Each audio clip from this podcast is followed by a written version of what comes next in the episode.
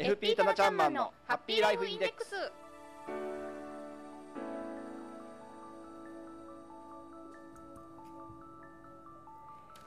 FP タナちゃんマンのハッピーライフインデックス。この時間はあなたの夢と未来をトータルサポートするライフサポート有限会社の提供でお送りします。私たちと一緒に明るい未来幸せな生活になるためのマネーライフを考えてみませんか？この番組では皆様からの疑問・質問を受け付けています。宛先はメールにて hama.p-wave.ne.jp ハマアットマーク p-wave.ne.jp です。さあそれでは早速一級ファイナンシャルプランニング技能士ライフサポート有限会社代表のタナちゃんマンをお呼びしましょう。タナちゃんマはいこんにちは。棚橋です。ン今日も素敵な笑顔と冷静な受け答えで登場していただきました、はい。タナ橋さんタナちゃんマンありがとうございます。よろしくお願いします。では早速、えー今日のテーマについてですが、はえー、と今日はですね、はい。先週に引き続きまして、はい。えーリスクコントロールのお話をしていきたいと思います。そうですね。先週もリスクコントロールの方法についてお話をいただいて、はい。今日はその続きのその2ということで。ね、はい、先週はそのね、えードルコスト平均法とはいいうね、リスクコントロールの方法をお話をさせていただきました。ちょっとお話がなかなかねあの言葉だけで聞くと難しいんですけれども、ね。分かりやすく説明してもらって、とてもねああなるほどと理解ができたんですあがありがとうございます。はい。今日は。そうですね、今日はですね、えーもう一つの方法としまして、はい。分散投資をね、お話をしていきたいと思います。なるほど。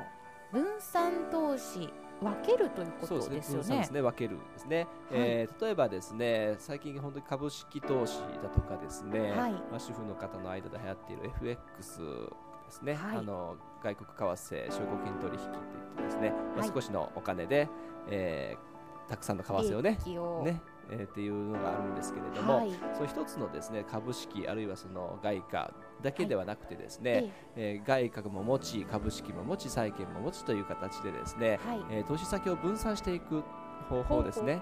えーこれもすごく大きなリスクコントロールの一つとして言われております。う。ん例えばあの以前お話しいただいたのが、はい。株式と債券というのが、はい、あの相反するこう動きをするそうですね。って言ってましたもんね。そうですね。はい、例えばですね、あのー金利市場ですね。はい。えー市場金利が上がれば当然株ね金利が上がるということは景気も良くなりますから、はい。ええ。ええ景気も良くなれば当然株価も上がっていく、は株価が上がればですね債券というものはですね価格が下がっていくんですね、うんうん。逆に今あ低金利時代ですから債券は非常に高いという、まあ、ちょっと、ね。あの今ね、えー金利が上がり始めて株式もちょっと今自己的なところでね下がってますけども、はい。全体上がってますのでえ債券も下がっております、でそういう形でですね、相反する動きをしていきますので、はい。それを分散して持てばですね例えば今回サブプライムローンで株価がですね暴落をしておりますけれども、はい。債券を持っていればあ平均的にですね、ええ。あのーまあ、損はしなくて済んでいる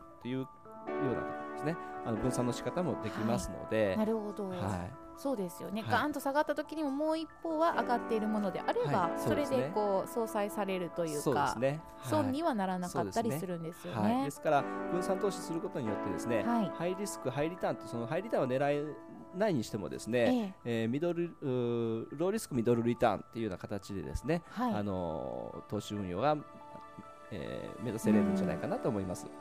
なるほど、はでは一つの資産を一つの場所に投資するのではなく、分ける。そうですね。これもコントロールのリスクをコントロールするポイントなんですね。はい、それはですね実はですね、大手の保険会社がですね、えーええ調査をしたあ結果があるんですけれども、はい。アメリカのですね、えー年金資産を運用しているファンドマネージャーに対してですね、ちょっとアンケートを取ってるんですね。ほう。でそのおアメリカのファンドマネージャーに対してですね、はい。えーその投資運用がですねうまくいった結果のはい。まあ原因は何ですかっていうような質問に対してですね、はい。約92%のファンドマネージャーの方がですね、アソットロケーションの効果によるものが大きいと答えてるんですね。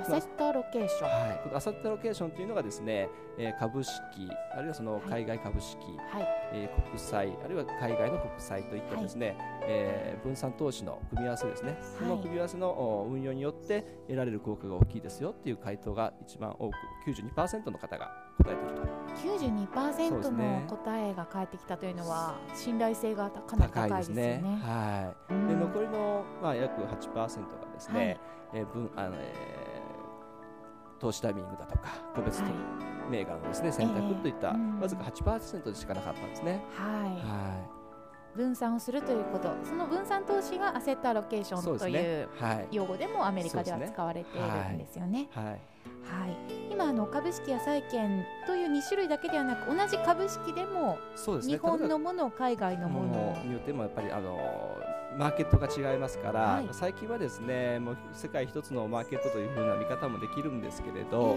えー、やはり、ね、その日本、アメリカあるいはそのヨーロッパ最近ではですね、はい、中国だとかインドとい。ったマーケットも非常に盛んに行われておりますけれども、はい、そういうのをううまく分散をしていく。あるいは日本国内の株式であってもですね、例えばその製造業ばかりではなくて、はい、例えば製造業と商社を持つとかですね、うん、輸出輸出産業と輸入産業と分かれて分散をして持つとかですね、はい、そういった形でですね一つの株式の中でも分散の仕方ができます、うん、それをアセットクラスと呼ぶんですけれども、はい、はい、アセットアロケーションというのはその株式債券といった大きな枠組みの分散ですね、その比率をアセットアロケーションと言います。そので一つのその株式の中の分散の小さな分け方をアセットクラスというふうに分散をしていくと。ですね、同じ日本の株式債券でもそのように業種で分けたりすると、はい、そうですね。これも効果は大きいですね。はい、いくつぐらいに分けるっていうこのそうです、ね、分ければ分けるほどいいんでしょうかねこれ分ければ分けるほどですね、まあ、資金もたくさん必要になってきますので、ね、ちょっと難しくはなってます、ね、ですし、あのー、余計ややこしくなってしまいますのでね、はい、あのー、大まかうんまあですかね。どこまでそのリスクとしてですねリスクの許容度があるのかといったところでですね、えー、はい、えー、分散の大きさを分けていただければなというふうに思います。はい、その分け方というのは、はい、あの割合的には本当同じ割合にしていく方がいいんでしょうかね。あまり知識がない人たちにとっては。ね。えーまあ、何年ぐらいで、ね、運用するのかだとか、はい、そのこのお金の袋分けというお話のずっと続きでお話をさせていただいているんですけれども、はい、運用期間がどれだけあるのかあるいはその、はい、ご自身のですねどこまでリスクとして許容範囲として持てるのかといったところでですね分散の比率が変わってくると思います。はい。では個別にはそういったことは詳しく例えば、ね、こういったものはどうでしょうかという相談など、ね、はい、アセットアロケーションの、はい、組み合わせなんかもあのご提案させていただくことは可能です。棚橋さんなどにも相談いただければ、はい。はい、そうですね、それに個人の方に応じたアドバイスもしていただける、という感じでしょうかね。あのコンピューターを使ってですね診断ソフトもありますので、それを診断させていただくことができます。そうなんですね。じゃああの詳しくそのようなあの個人的にどのようなことがということを詳細に関してはぜひ棚橋さん、棚ちゃんマンに相談いただけると、良いということになりますね。はい、ご相談いただければと思います。はい、わかりました。えー、今日はリスクコントロールの方法についてその2ということで分散投資をするといいですよ。このアドバイスをいただきました。資産を分けて持ちましょう。自分のコントロールできる分かりやすい範囲で資産を分けることがリスクを回避する方法ということですね。はい、はい。えー、ではこの後もまだまだ来週再来週そして次の週と今年は3回、ね、はいあと3回ありますね。はい、番組お送りしていきますので、はい、ぜひよろしくお願いします。はい、こちらこそお願いいたします。タナちゃんマンとの番組 FP タナちゃんマンのハッピーライフインデックス。ぜひライフサポート有限会社のホームページも皆さんご覧ください。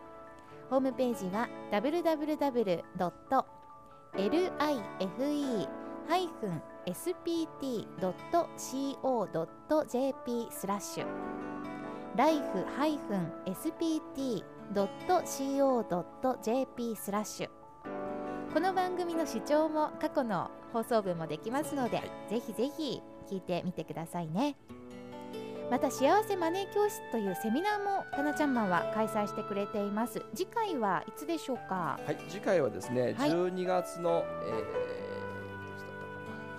ー、12月の15日ですね。はい、はいお時間は午後2時から3時半となっていまして次回は生命保険コースですね、ね、はい生命保険コースですね。生命保険についてお話をしていきたいと思います。はい楽しい雰囲気で非常に分かりやすいと皆さんから好評いただいているセミナーですので、はい、ぜひぜひお気軽に、えー、このセミナーの場所は？